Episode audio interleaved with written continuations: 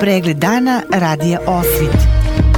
Lokalne vesti iz Vornika i regiona Birač. Pratite pregled dana za 14. decembar 2022. godine.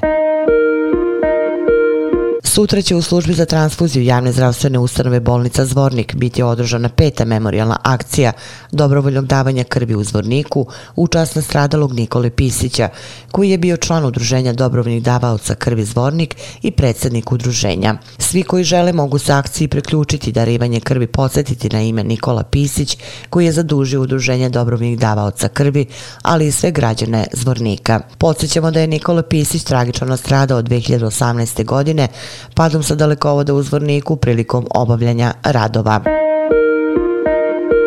Pet političkih subjekata SNSD, SDS, SDA, Demos i Ujedinjena Srpska overili su prijavu za učešće na prevremenim izborima za gradonačelnika Zvornika, koji su zakazani za 5. februar naredne godine, saopštila je Gradska izborna komisija. Ove političke partije treba da prijave svoje kandidate zaključno sa 27. decembrom. Posjećamo da je nakon 15 godina vršenje funkcije načelnike gradonačelnika Zvornika, Zoran Stevanović osvojio mandat u Narodnoj skupštini Republike Srpske, koji je i prihvatio u mesecu novembru i time dovao do prevremenih izbora za gradonačelnika Zvornika. U isto vreme bit će održani prevremeni izbori u gradovima Tuzla, Bihać, Srebrenik i opštinama Bratunac i Bogošća. U Bjelovcu kod Bratunca danas je obeleženo 30 godina od napada muslimanskih snaga iz Srebrenice i okolnih sela, kada je ubijeno 68 meštana Bjelovca i susednih srpskih zaselaka, Sikirić i Loznička reka, od kojih su dve trećine bili civili. Kod crkve Svetog proroka Ilije u Bjelovcu služen je parastos i položeni venci za 109 ubijenih Srba iz ovih sela, nastradalih tokom odbranbeno otačbinskog rata.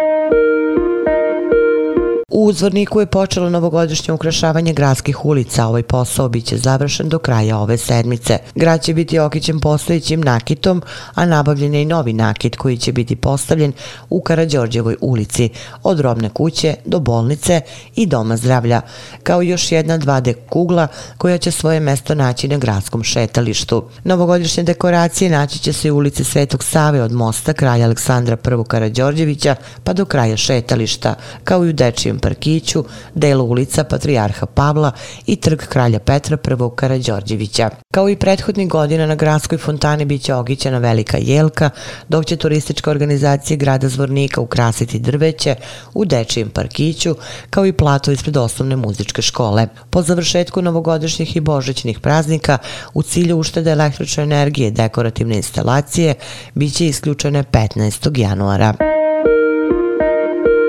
Vesti iz Loznice. Nova bista Georgije Jakšića trebalo bi da bude postavljena do kraja godine, kao i da budu popravljena oštećenja na spomeniku Filipu Višnjiću, a u Centru za kulturu Vuk Karadžić kažu da sledi sanacija oštećenja spomen kompleksa u Banji Koviljači, kao i određivanje mesta za bistu Dragoljuba Popovića, koja se čuva u prostorijama Muzeja Jadra. Opširniji na sajtu lozničkenovosti.com. Pratili ste pregled dana za 14. decembar 2022. godine. Hvala na pažnji. Pregled dana radija Osvit. Lokalne vesti iz Vornika i regiona Birač.